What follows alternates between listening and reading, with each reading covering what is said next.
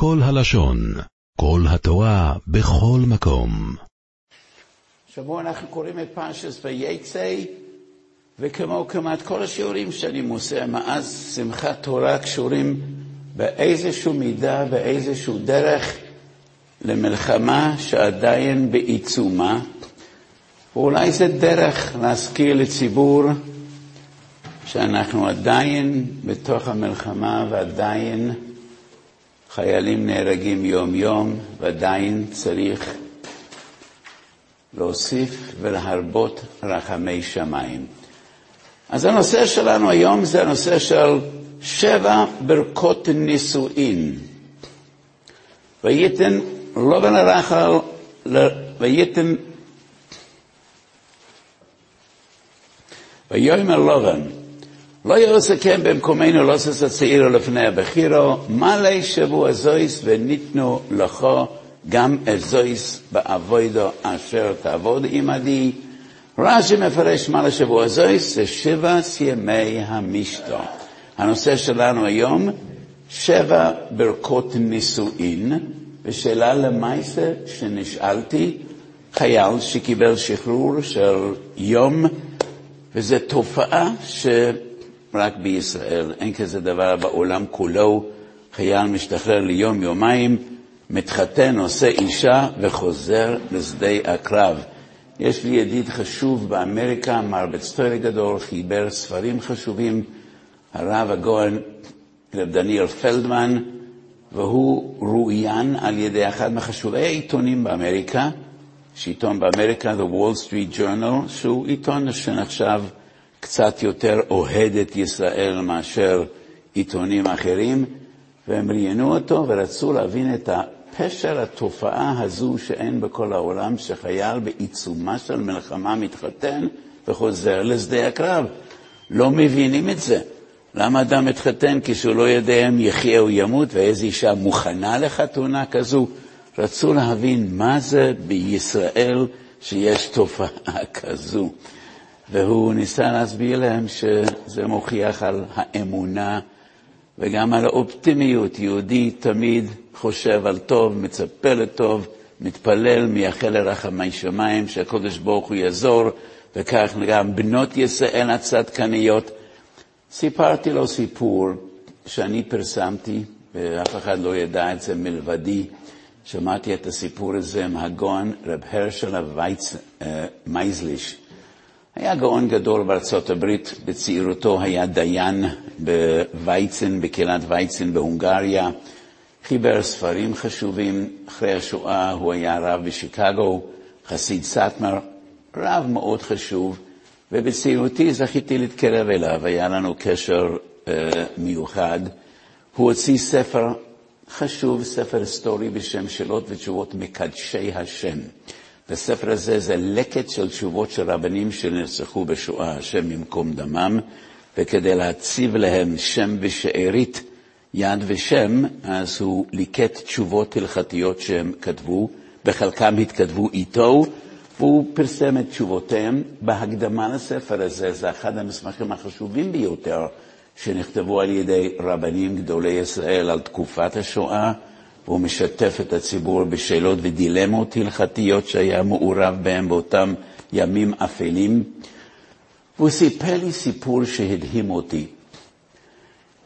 למורי ורבי הרבי מקלויסנבורג היו 11 ילדים, והוא נשאר אחרי השואה כערער בערבה, הוא איבד את אשתו, את הרבנית, וכל 11 ילדיו.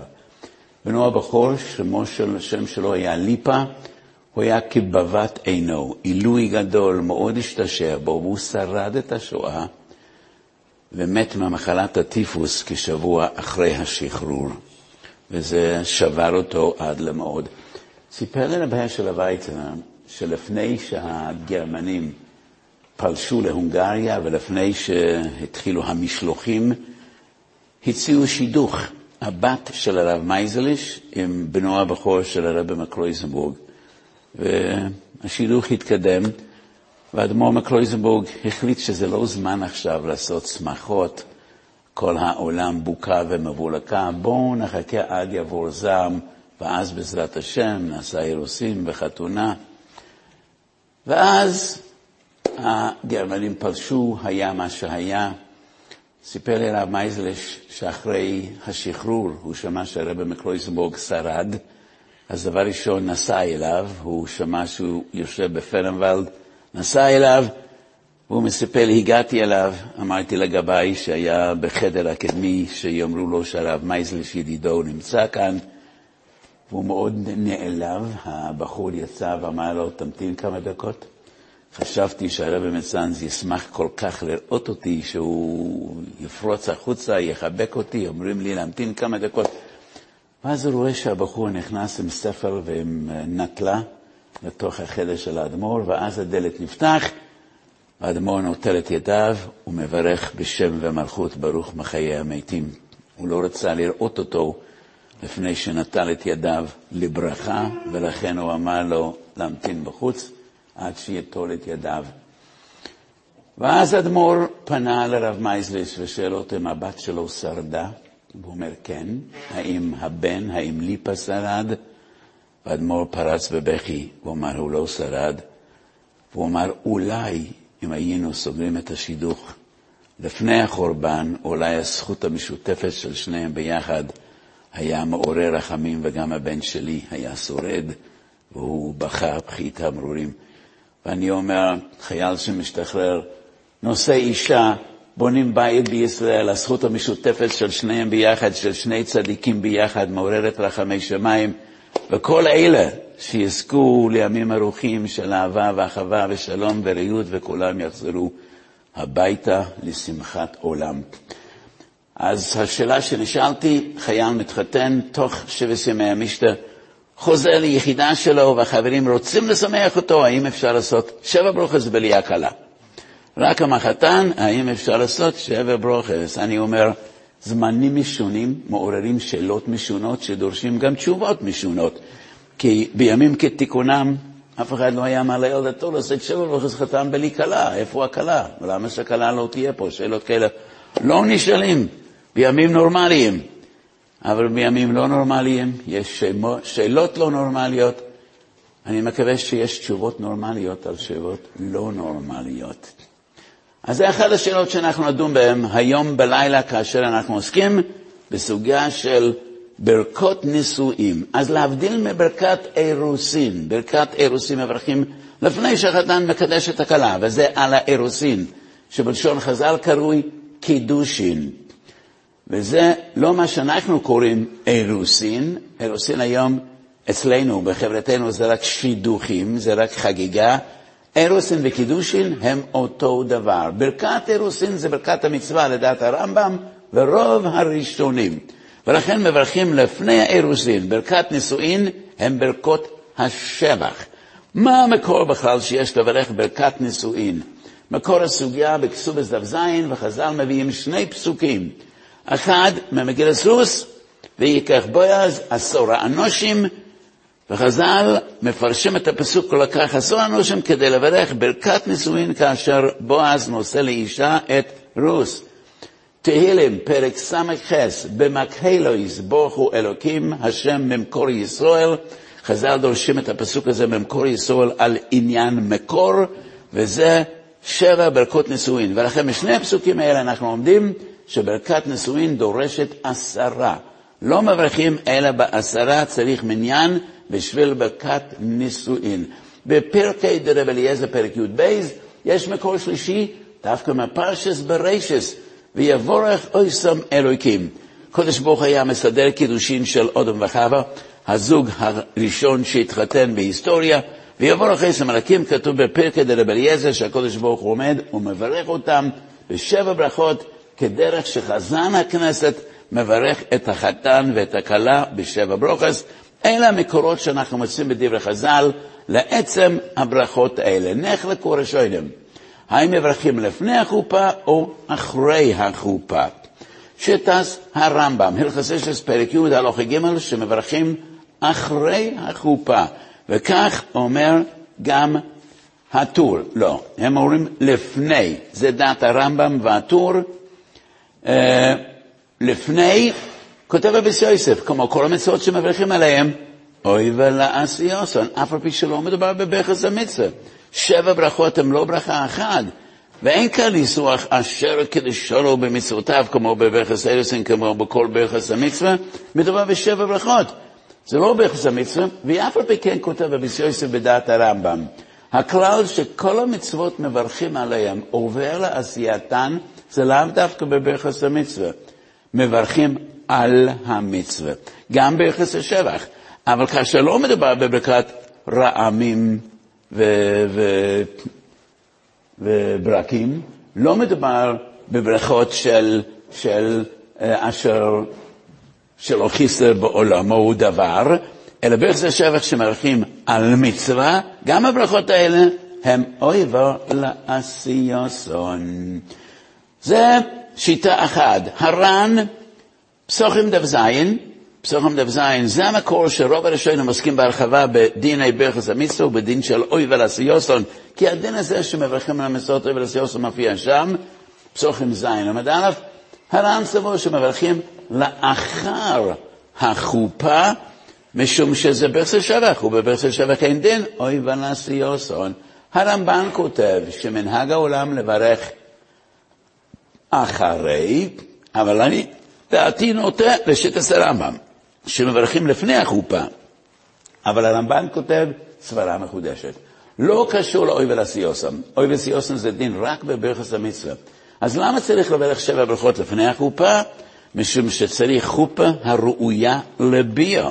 ומכיוון שאמרו חז"ל, כלה בלא ברכה אסורה לבעלה כנעידה, וכלה שלא בירכו עליה את שבע ברכות אסורה לבעלה, אז החופה לא יהיה בר תוקף, ברת תוקף, כי חופה צריכה להיות ראויה לביאה, ולפני ברכות היא לא ראויה לביאה, ולכן צריך לברך לפני. הרי לנו מחלוקת הראשונים, בסימן ס"ב ובסימן ס"א, מחלוקת בין בית יוסף לרמו. ובית יוסף, כמו תמיד, הולך בעקבות הרמב"ם והוא אומר לפני. הרמו בסימן ס"א, לפני שכנוך שהוא בסימן ס"ב, סעיף א', הרמו אומר, מן הגדידן לברך תחת החופה, וזה מעין פשרה. לא לפני שנכנסים לחופה, אלא תחת החופה, והרמו מסביר, כי עיקר החופה זה הייחוד שבא אחרי החופה, ולכן מצד אחד זה אוי ונשיא אסון, ולא רוצים שזה יהיה אוי ודאוי ומדי מוקדם, זה שיטת הרמו. ואלה המנהגים השונים, מתי מברכים עשרה, שבעת הברכות של ברכס נשואין. נשואין זה גם בחופה, וגם כל שבעת ימי המשתו, ולא רק תחת החופה, כמו ברכס אילוסים. אז הזכרתי מקודם את דברי חז"ל שצריך עשורו לברכס נישואין, ונחלקו האחרונים האם זה מעכב בדיעבד או רק לכתחילה. נוידי ביהודה מדור קמא אבן עשר סימנון ווב סבור שעשרה זה רק לכתחילה, אבל כשאין עשרה עדיין מברכים ברכס נישואין. אורך השולחן, סימן סמך בייס ואבן עזר, סעיף י"ג סבור שמעכב אפילו בדיעבד. ואוכל שלכם יש לו טענה מאוד פשוטה. שתי מקורות יש לכל הדין של ברכס נישואין, כפי שציינתי בתחילת השיעור, רוס ותהילים. ובשתי המקורות האלה, במקורם, יש רמז שצריך עשרה, ויקח בועז עשרה אנושים במקהלות בורך אלוהיקים. מקהלות זה קול, קול זה עדו. אין עדו פוחס מעשורו.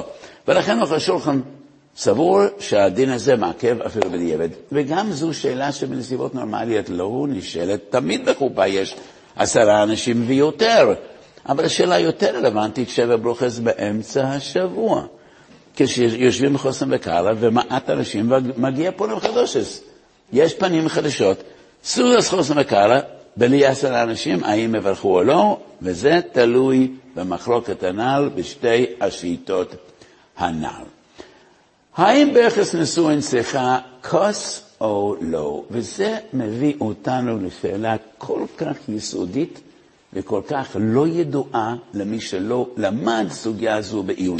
כי כל העולם באופן מטבעי מדבר על שבע ברוכס. עושים שבע ברוכס, לא עושים שבע ברוכס. האם בכלל יש מושג כזה שבע ברוכס? במסכת כסובס, כפי שציינתי, יש נוסח מלא של כל הברכות, כיצד מבורך. ושם כתוב מבורך שיט, יש שש ברכות. ובניסוח של הגמורה אין בו לפי הגופן, יש רק שש ברכות.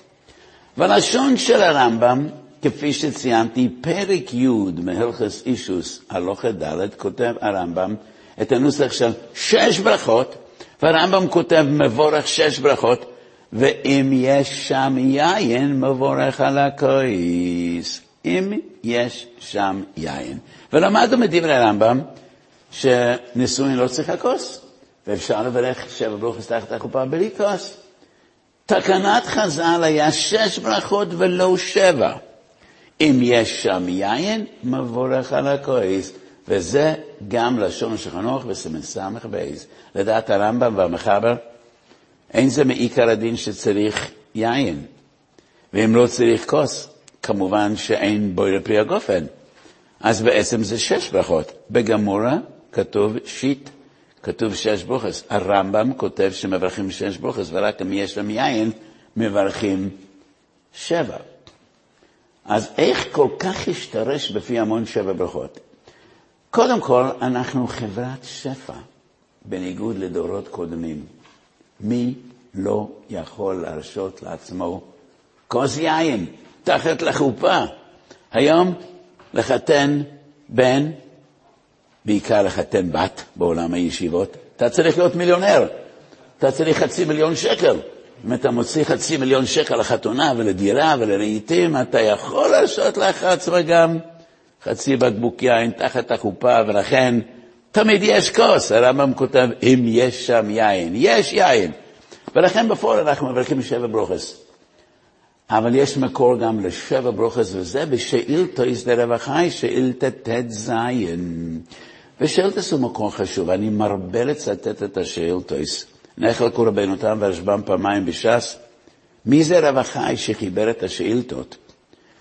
בתחילת כסובס, באיזו מדענה וגם בזבוכים, טייסס מביאים שיטת הרשב"ם, ששאילתייס הוא רב החי שמופיע בש"ס, והוא היה אחד מאחרוני האמוראים, ולפי השיטה הזו, השאילתייס זה חז"ל, זה מקור חשוב ביותר. טייסס חולקים על הרשב"ם, וטייסס סבורים שרב החי היה בתקופת הגאונים גם מקור חשוב. שאילתא זה רב החי כתוב שחז"ל תקנו בנישואין שבע ברכות, ואחד משבע ברכות כמובן זה ברכת פרי הגפן. פרדס הגדול, פרדס הגדול זה ספר מתקופת רבותינו הראשונים, בעיקר תלמידי רש"י, ובספר הזה יש הרבה פסקי הלכה של רש"י. הבית יוסף כותב כמה פעמים בבית יוסף שרש"י הוא פרשן ולא פוסק, ולכן אין ללמוד הלכה מדברי רש"י, ורבים טועים לחשוב שרש"י לא היה כזה בקיא בהלכה, לא היה פוסק, היה פרשן. רק היום יש ראש ישיבס שלא uh, בקיאים בהלכה, ויש פויסקים שלא בקיאים בגמרא. אבל בימי הראשונים לא הייתה חלוקה כזאת. אני תמיד אומר, זה הפשט בגמורה, קל"ט במסכת שבס כתוב, שבעקבא דמשיחא לא ימצאו הלכה ברורה ומשנה ברורה במוקם אחד. כוונת חז"ל, שבאיקרס דמשיחא לא ימצאו הלכה ברורה ומשנה ברורה. עכשיו, משנה ברורה בשפת העם זה הלכה. בגלל המשנה ברורה. משנה ברורה הוא מלך העולם בשדה ההלכה. אבל בלשון חז"ל אני חושב הלכה ברורה ומשנה ברורה זה שני חלקי תורה. הרשב"א והרמב"ן היו מרביצי התורה הגדולים בדורם ופוסקי ההלכה הגדולים בדורם. ככה נוידי ביהודה ואחסם סופר. בדורות האחרונים יש פיצול. יש ראש השיבס שאומרים שיעורים נפלאים, אבל הם לא בקיאים בהלכה, ויש מורה הוראה שלא בקיאים בגמרא. אז, אה, אז רש"י כמובן היה פויסק כשם שהיה פרשן. החזון איש באגרותיו מסביר את כוונת אבו יוסף. לרש"י יש את המהלך שלו בפירוש דברי הגמרא. ולפעמים רש"י מפרש את המשנה לפי ההווה מנה ולא המסקונה, ולפעמים רש"י מפרש לפי מאן דאמר שאין הלכה כמותו, אבל כאשר הלכה מוכחת מדברי רש"י, ודאי שאפשר ללמוד הלכה מרש"י. רש"י היה הרבי של כל גדולי לבעלי הטויסס, והרשב"ם ובעלי הטויסס היו הנכדים שלו והתלמידים שלו. אין ללמוד הלכה מרש"י כאשר רש"י עוסק בפרשנות. ולמה אני אומר את כל ההקדמה הזו? כי ספר הפרדס זה בעיקר פסקי רש"י, ושם כתוב בספר הפרדס שפעם אחת קרה, ולא היה כוס בשעת הנישואין, ואמרו שש ברכות ולא שבע, ורש"י פסק שצריך לברך מחדש את כל השבע ברכות, ולהתחיל עם בואי לפרי הגופן. שיטס רש"י כמו השאילתס, שבע ברכות תקנו חז"ל, ולא שש, ובואי לפרי הגפן זה אחד משבעת הברכות של ברכס נישואין. וזה מביא אותנו לשאלה גדולה. גם התשבץ, חלק ג' סמ"ה כותב, שהברכה, בואי לפי הגופן, לא נזכר בשום מקום בתלמודים, לא בבבלי, לא בירושלמי, לא מוזכר כאחד מברכס הנישואין. התשבץ סבור שזה לא, זה לא ברכס הנישואין, ברכס הנישואין, ברכת חתנים, זה רק שש ברכות. וזה מביא אותנו לפני יהושע, קונטרס אחרון על קסובס, אות חוף א'. אז כמו רש"י בתקופת הראשונים, הפני ישוע מאות שנים אחר כך, פני ישוע הוא אחד מגדולי האחרונים, הספר המדהים שלו, אין לנו פסקי הלכות מהפני יהושע. יש תשובה אחת של הפני יהושע שנדפס בספר נחל אשכול על ספר האשכול, אבל בקונטרס אחרון שהוא כתב על כמה מסכתות יש קצת פסקי הלכה. קונטרס אחרון על כתובות אות קא, תמה הפני יהושע מנהג אשכנז, שמסדר קידושין, מברך ברכת הגפן והוא לא שותה מן הכוס, רק החתן והכלה שותים מן הכוס ולא מסדר קידושין. ואומר הפני ישוע, אם הכוס הזה הוא לא חיוב, כלשון הרמב"ם ושכנוך, רק אם יש שם יין, אז זה ברכס הנהנן. בברכס הנהנן אתה לא יכול להוציא אחרים, אלא אם כן אתה מברך גם לעצמך. הדין של אף על פי שיוצא מויצי, שאדם יכול להוציא אחרים אף על פי שהוא כבר יצא והוא לא צריך לצאת בעצמו, זה מבוסס על ערבוס. אין ערבוס אלא בחיובים. ברכה שאיננה חיובית, בבכס הנהנן לא אומרים אף על פי שיוצא מויצי. ומכיוון שבכס הגפן זה רק ברכת הנהנין וזה לא ברכת חובה, אז איך מסעד הקידושין יכול להוציא אחרים ידי חובתן, כאשר הוא בעצמו לא יוצא? ולכן הפני השיר נוטה לומר שהמסעד הקידוש, מי שמברך על הגפן חייב לשתות מן הכוס, ואחר כך לתת לחתן ולכלה, כי אם הוא לא יוצא, הוא לא יכול להוציא אחרים. כותב הפני ישוע, בלי שיביא את המקורות שציינתי, אולי ביחס נשואין כן צריכה כוס. אבל ביחס אירוסין ודאי לא צריכה כוס מעיקר הדין, זה כמו ברית מילה, כמו פדיון הבן, כמו שער כוס וברוכה, כמו ברכת המזון. אפשר לעשות את הברית ולברך על הברית, על מצווה מילה, בלי כוס. כך גם בברכס המוזון. ואם כן, ברכס הגפן זה רק ברכס הנהנן. איך אפשר להוציא אחרים כשהוא לא שותה בעצמו? כך תמה הפני יהושע. אז יש שתי תשובות מעניינות שסותרות זו את זו בקשר למנהגו של רב חיים בריסקה. אחד מתלמידיו של רב חיים היה רבי חיאל מכר רבינוביץ', שהיה רב בכמה קהילות בליטא. הוא כתב ספר חשוב, אפיקי ים. שער שוס אפיקי ים, חלק בייסם בייז, גם הוא לא מביא את כל המקורות שציינתי, אבל הוא גם דן האם ברכת הגפן הוא חלק אינטגרלי של ברכס הנישואין. וגם הוא תמה, כדברי הפני ישוע, איך מסעד הקידושין יכול להוציא אחרים. שאלתי את רב שמחה זלג על מנהגו של רב חיים. רב שמחה זלג זה סיפור מעניין. רב חיים בעצם היה ראש ישיבה, הוא לא נועד להיות רב. הוא היה ראש ישיבה בוולוז'ין, הקים אולה של טוירו, היו לו אלפי תלמידים ושמו, שמעו יצא בכל הארץ. עוד בימי חייו, רב חיים בריסקר, ואז ישיבת ולוז'ין נסגרה, והוא היה שבור ורצוץ, ומן השמיים, לא יודעים חשבונות שמיים, אז נפטר רבי סלוי, ורב חיים מוזמן להיות רבה של בריסק במקום אביו הגדול. אבל רב חיים, מרוב יראת שמיים שלו, וביודעו כמה הוא חדשן, לא רצה לעסוק בהלוכה. אז הוא היה הרב, אבל הוא לא פסק הלכות, רב שמחה זלג ריגר היה הפויסק של רב חיים בריסקו. והוא היה מורה אירוע בבריסק, והוא פסק את כל השאלות, ורב חיים סמך את ידיו עליו. זה רב שמחה זלג. אני חייב לומר, אין ספר מרב שמחה זלג, חידוש, אבל יש לנו כמה תשובות, ויש חידושים מרעישים מאוד מהפסוקים שלו, אבל זה לא הנושא שלנו היום. אז רבי חיין מיכל רבנוביץ' פונה לרב שמחה זלג, מה, כיצד נהג רב חיים כשהוא היה מסעד הקידושין? ורב שמחה זלג כותב לו שהוא מצד אחד לא רצה לזלזל במנהג אשכנז הקדום, ומצד שני רב חיים היה כזה ירא שמיים, אז כשהוא סידר קידושין הוא תמיד דאג שקצת יין יישפך על היד שלו, והוא נתן את הגביע לחוסן ולקהלה וליקק את היד שלו. זה לא כל כך בולט כאשר היד שלך עם יין, אתה מלקק את היד.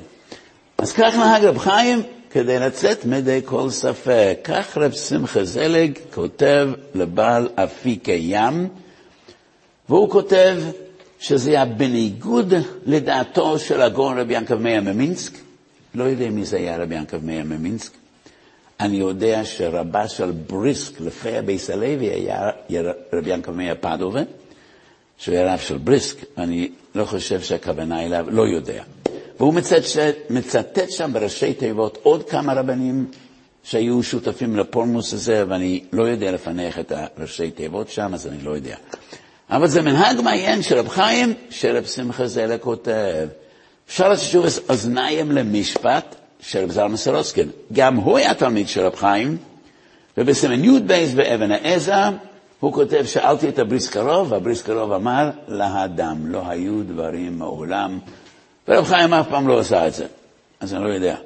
רב שמחה זליג היה, הוא גר בבריסק, היה הפויסק של רב חיים, בריסקר רוב ודאי, אמור לדעת איך נהג אביו, אז יש לנו סתירה בקשר למנהגו של רב חיים לגבי הארת הפני יהושע, שטוען שזה ברוכה לבטולה.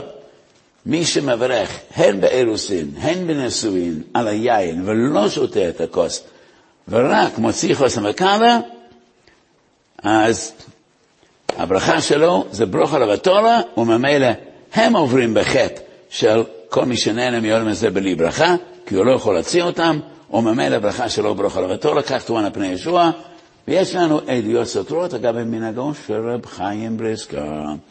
תשובס איגרס מוישה, חלק ד' אבן העזר ס"ט, אומר בתוקף אין לשנות מנהג אשכנז.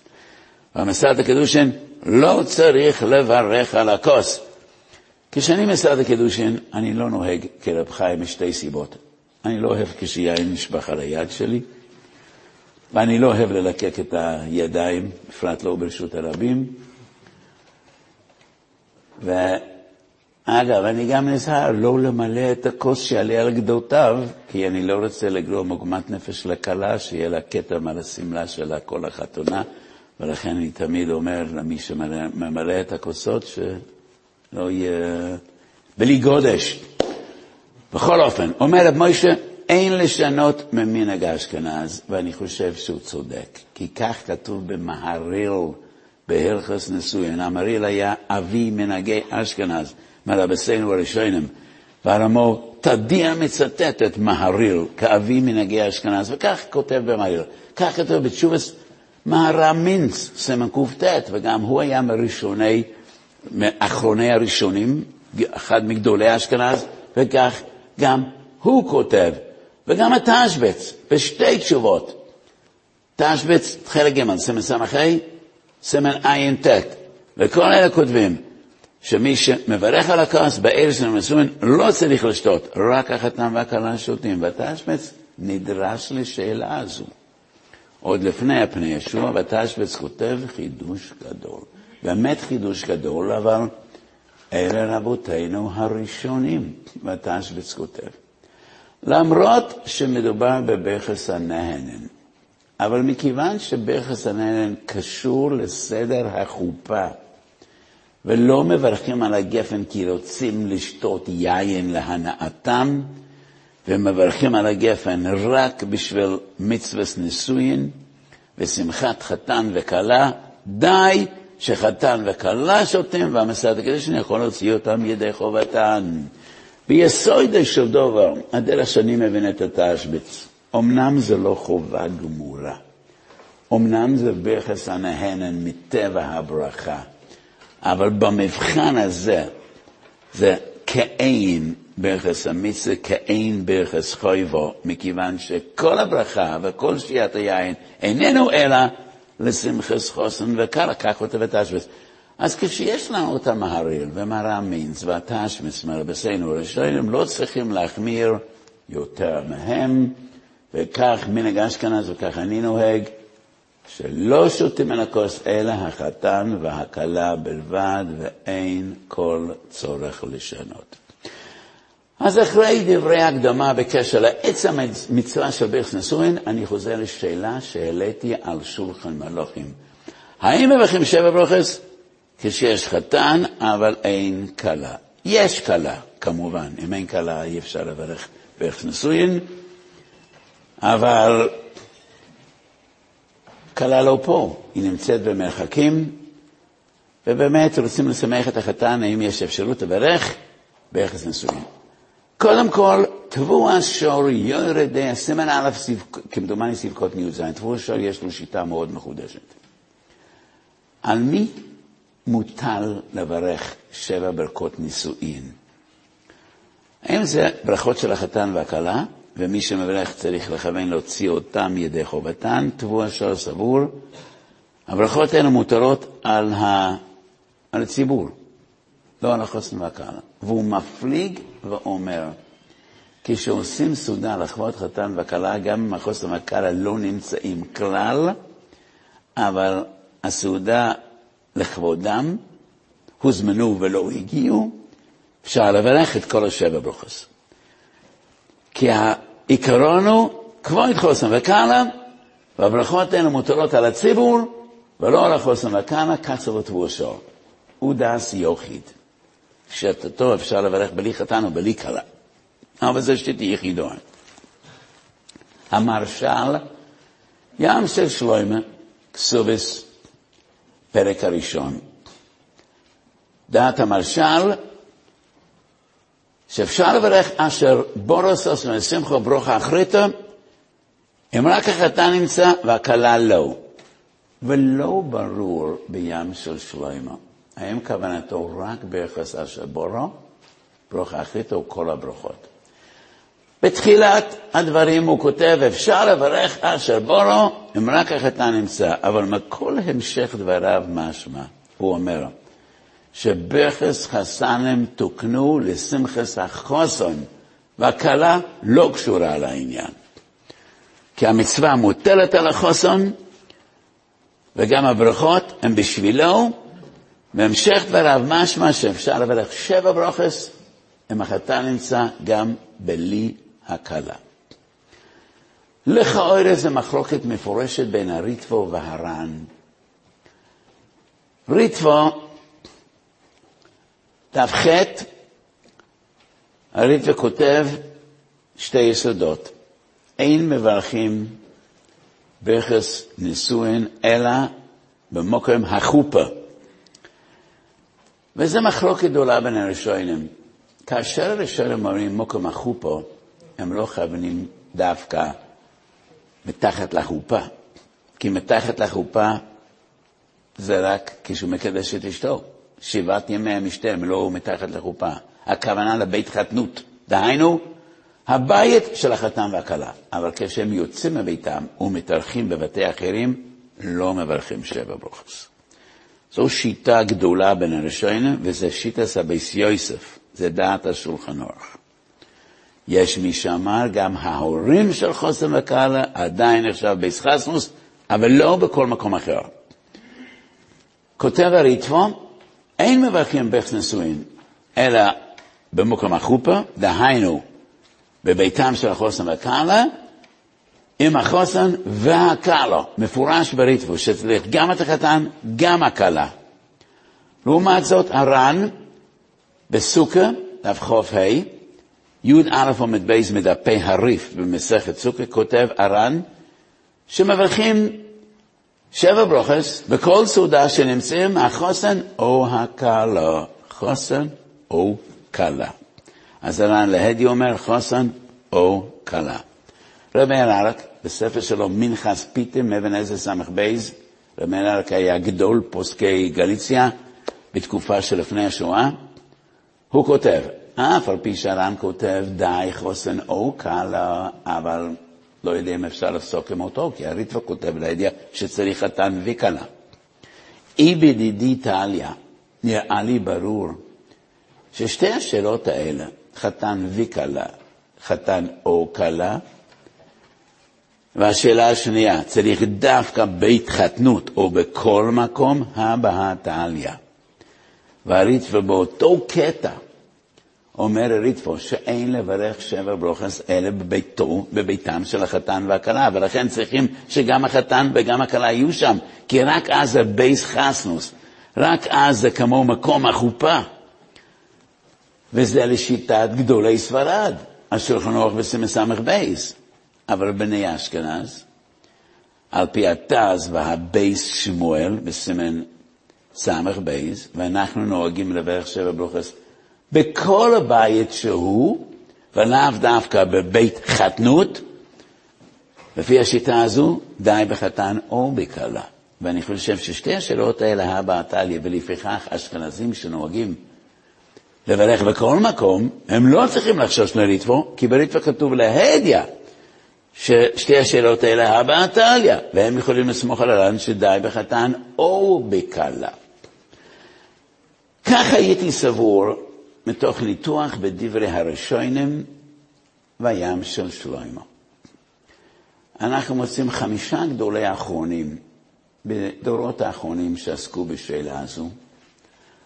חמש משיבים לשני שואלים. כל הספרות של רשות, לפעמים יש דברים משעשעים, דברים מעניינים. אז היה אחד, שמו רב דוב ברל חמיידיש, והוא פנה לשלושה גדולי תקופתו, רב שלמה קלוגר, רב יוסף שונתנזון, השואל המשב, והשלישי היה קצת צעיר מהם, רב אברום תואמים, שהיה נכד של הנסיבס, וגם הוא כתב ספר תשובות חשוב, חסד לאברום.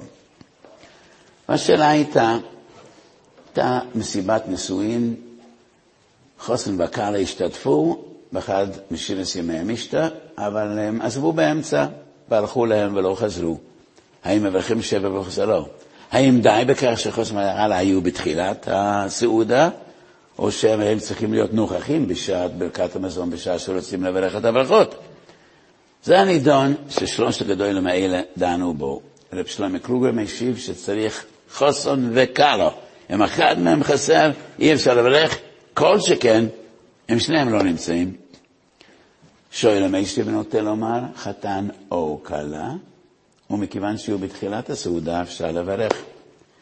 חסד לאברון, מדור את תניונו, בספר שלו, קל"ו, חסד לאברום, כותב, הוא לא מתייחס לשאלה האם צריך גם חתן וגם כלה, או די באחד מהם, אבל לגבי שאלה הם היו בתחילת הסעודה ועזבו באמצע, הוא כותב, אפשר לברך שבר ברוכס, ובפרט אשר בורו, והוא כותב אשר בורו, די חתן או כלה. והיה רב אחר שפנה עם אותה שאלה לשני גדולי הונגריה. שלושת הראשונים שציינתי היו גדולי גליציה. מהר"ם שיק ורבי יהודה אסאד. שוב מהר"ם שיק אבן עזר סימן צדיק, מהר"י אסאד אבן עזר סימן י' בייס, והם שניהם פוסקים באופן נחרץ, צריך גם חתן וגם כלה. וכאשר אחד מהם חסרים, אי אפשר לברך שבע בוחס. עכשיו, הר"ן והמרשל לא הולכים בדיוק ביחד, כי המרשל כותב, תלוי רק בחתן, ולא צריך את הכלה לשבע ברוכס.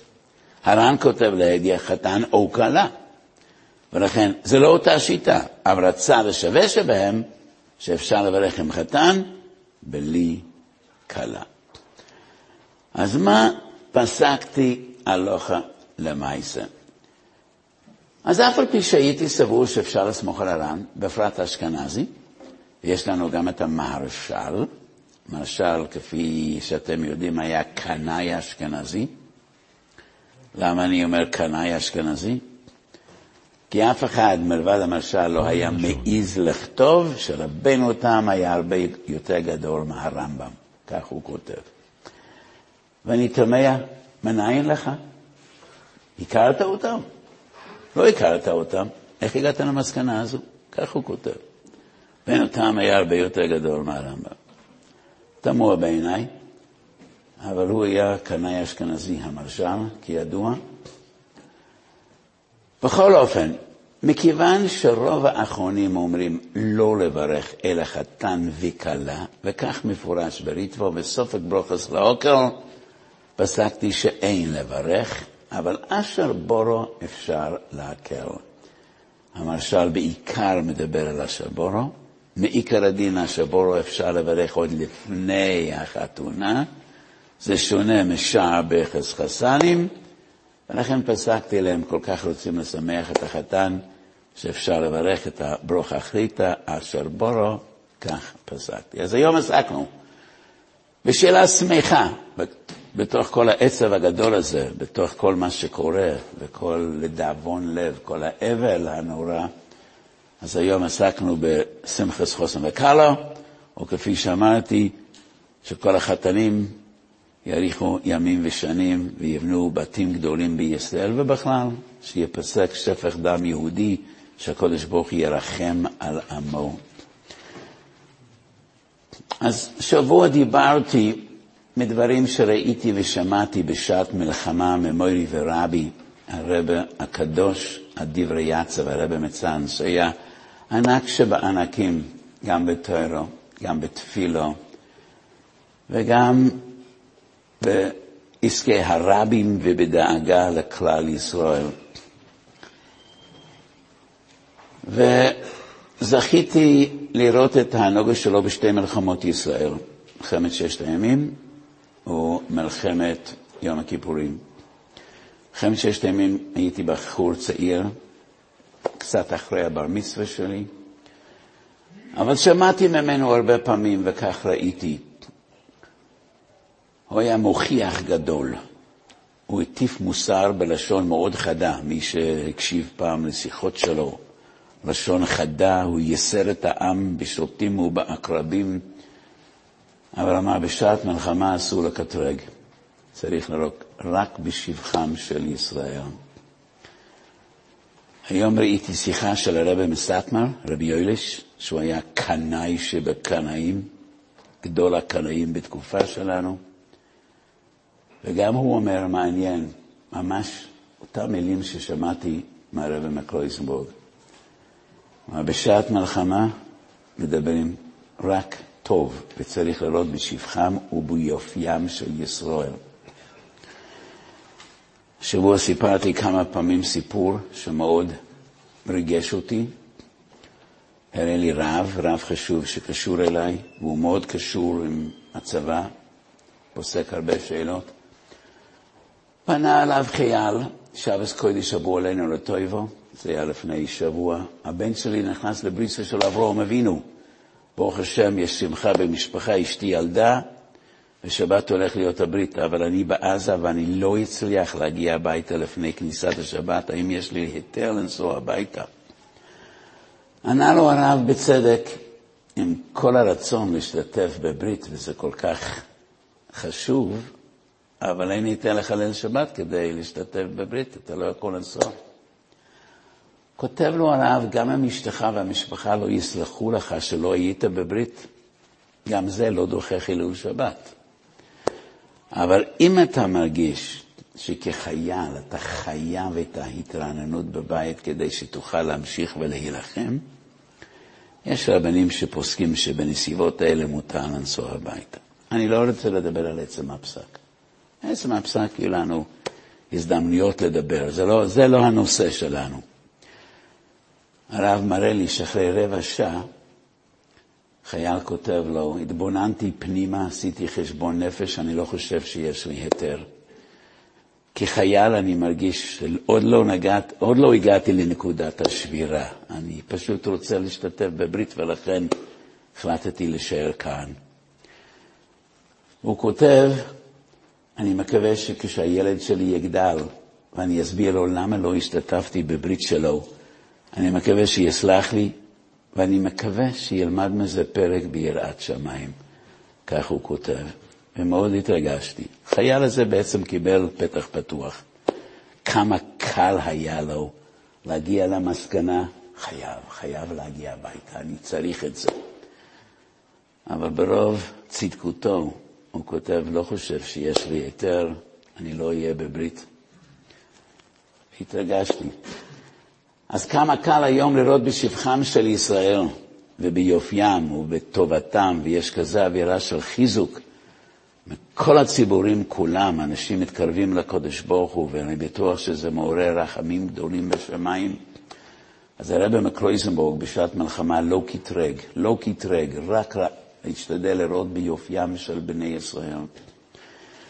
אז בשמחת תואר היה אסון גדול. ורבים מאלה שנרצחו לא היו שומרי מצוות, אבל כולם ילדיו של הקודש ברוך הוא.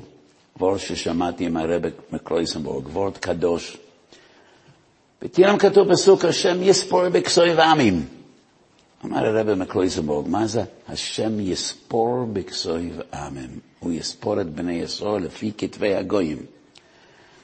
אמר הרב מצאנז, כאשר הסוטן מקטרג על בני ישראל ואומר, הם לא שומרי מצוות, לא מגיע להם רחמי שמיים, מחללים שבת בפרהסיה, הם לא יהודים בכלל. אומר הקדוש ברוך הוא, אתה אומר שהם לא יהודים? בואו נראה מה אומרים הגויים, אם הם יהודים או לא. השם יספור בכסוי ועמים. בואו נשאל את הגויים מה הם חושבים על הילדים שלי, על בני קהל חויה, אם הם יהודים או לא. הרב מקלויזרבורג אמר את הדברים בקשר לנאצים. אצל הנאצים כולם, כולם היו יהודים. אצל הנאצים לא, לא חשוב כמה אתה שומר שבת וכמה לא. ולכן הקדוש ברוך הוא אמר לשטן ולכל המקטרגים, השם יספר בכסוי ועמים. אם אצלהם הם יהודים, גם אצלי הם יהודים. וגם החמאס, כשהם רצחו ולא חמלו, לא, לא היה משנה להם מי שומר מצוות ומי לא. לכו ונכחידם מגוי ולא יזוך השם יסור אלוהיד. אז הקדוש ברוך הוא אומר, השם יספר בכסוי ועמים. אם הם יהודים אצלהם, אצל החמאס, הם יהודים גם אצלי, יאמר הקדוש ברוך הוא. אמרתי לאחרונה וורט, ונהניתי מאוד, אולי, אולי זה אמת. שבס פ"ט, חז"ל מספרים, שהקדוש ברוך הוא בסוף הימים יפנה לאברום אבינו ויאמר לו, חטאו בניך. ואברום אבינו אומר, ימחו על קדושת שמך. הקדוש ברוך הוא פונה ליעקב אבינו, חטאו בניך, ימחו על קדושת שמך. ורבים שואלים, חסד לאברום, אברום המועד החסד. איך זה שאברום מגיב בחומרה יתרה, ימוכו על קדוש שמחו? והפשט שלי, הקדוש ברוך אומר לאברום אבינו, חוטו בניכו. אברום אבינו אומר, אם ימוכו על קדוש שמחו, יהיה להם תיקון. אם הם יהרגו על קידוש השם והגויים יהרגו אותם בגלל שהם יהודים, ימוכו על קדוש שמחו, גם הם יעלו ישר לגן עדן. וכך נפסק בשולחן זה סיב בשולחן אין קוברים ראשו אצל צדיק. אבל מי שנהרג על ידי הגויים, כי הוא יהודי, קוברים אותו בין צדיקים גמורים וכופרו עוונותיו. וזה לא רק דברי קבולה, זה לא זויר, זה סיף בשולחן בדיני קבורה ביורדיה בהלכוס אבילוס. אז אברום אבינו מזדעזע. יחטאו בניי, מה יהיה איתם אם הם יתרחקו מהקדוש ברוך הוא? אבל אם יחמכו על קדוש השמך, זה התיקון. אז אלה שנהרגים על ידי הגויים, בגלל שהם יהודים, גם להם יש תיקון, וגם הם קדושים. וגם הם נקברים ביחד עם צדיקים גמורים. עוד ממנהגיו של הרבי מקרויזנבורג בתקופת המלחמה, ואני זוכר את זה לפני ששת הימים, במלחמת יום כיפור הרב היה בניו ג'רזי, אבל גם שם הוא תיקן וגם בישיבות שלו בארץ ישראל, שבתקופה הזו הוא ארגן משמרות שילמדו 24 שעות ביממה, ביום ובלילה. וצריך להבין, לפני 60 שנה, כמעט 60 שנה, לא היו ישיבות של אלפי תלמידים, שברוך השם היום נסרה אבו ספסא לדבי מדרושה. אבל פעם, היום יש יותר ספסלים ממה שאז היו ישיבות. בישיבה שלנו בקריית צאנז היו אולי מאה בחורים, וכאשר אתה לוקח מאה בחורים ומחלק אותם במשמרות של 24 שעות ביממה, לא נשארים הרבה תלמידים שילמדו בבת אחת, ואף על פי כן היה חשוב לו. לא, שכל התורה לא ייפסק לרגע. המלחמה לא נפסקת לרגע, גם מלחמתה של תוירה לא תפסק לרגע. ולמדנו במשמרות. אני זוכר אחי הצעיר, הגאון רב חיים, גאון גדול, היום הוא רב העיר ביתר, וזה היה הימים שלפני המלחמה, והמשמר שלו נפל בדיוק כאשר הרבה מדליק את ההדלוקה בל"ג בעומר לכבוד רב שמעון. הוא כל כך הצטער. אין פה הרבה חסידים, אבל אצל חסיד צעיר, ההדלוקה של הרבה של ל"ג בעומר זה כאילו רואים את הרשב"י בעצמו יורד מן השמיים ומדליק את המדורה, מדורה לכבודו. והוא כל כך הצטער, אבל הוא עמד על המשמר. הוא ישב ולמד, ויתר על ההדלוקה, היה ילד צעיר מתחת לגיל בר מצווה, כי חייל לא עוזב את המשמר שלו, את המשמרת שלו, ואוי לו אם הוא יעזוב את העמדה שלו וילך לעסוק בצרכיו, ילך למדורה של ל"ג בעומר. בן תואר צריך להרגיש, זה המשמר שלי. אני עומד פה בשמירה. חייל לא יכול לנטוש את עמדתו, גם אתה לא יכול. כך בני תואר צריכים להרגיש בימים האלה. אחריות כבדה. זה המשמר שלי. הם נלחמים כל הלילה, אנחנו לומדים כל הלילה. וברוך השם, אני קצת מעורב במיזם, יש מאות רבות של בחורי ישיבות ואברכים שלומדים 24 שעות, ארגנו משמרות, יש מאות אברכים ובחורים שלומדים את כל שעות הלילה. וכפי שנהג הרב מקלויזנבורג בזמנו, כך נאה וכך יאה. כולם צריכים להרגיש שזה מלחמה. וכאשר אלה נהרגים יום-יום, לדאבון לב, יש אלמנות חדשות ויתומים חדשים והורים שמתאבלים על מות ילדיהם, זה דורש מכל אחד מאמץ, וכל אחד צריך להרגיש אחריות. אז מי שיושב בבית המדרש צריך ללמוד ביתר תוקף וביתר שאת וביותר אסמודה וביותר מלחמתה של תוירו. אז יהי רצון שכל הזכויות האלה יעלו לשמיים ויעוררו רחמי שמיים והקדוש ברוך הוא ירחם על עמו וכולם יחזרו הביתה לחיים ולשמחה ולשלום ויתקיים בנו. ונותרתי שלום באורץ ושכבתם ואין מחריד והקדוש ברוך ישלח לנו משיח צדקנו במהרו ויומנו אמן. עולם שלם של תוכן מחכה לך בכל הלשון, 03 617 1111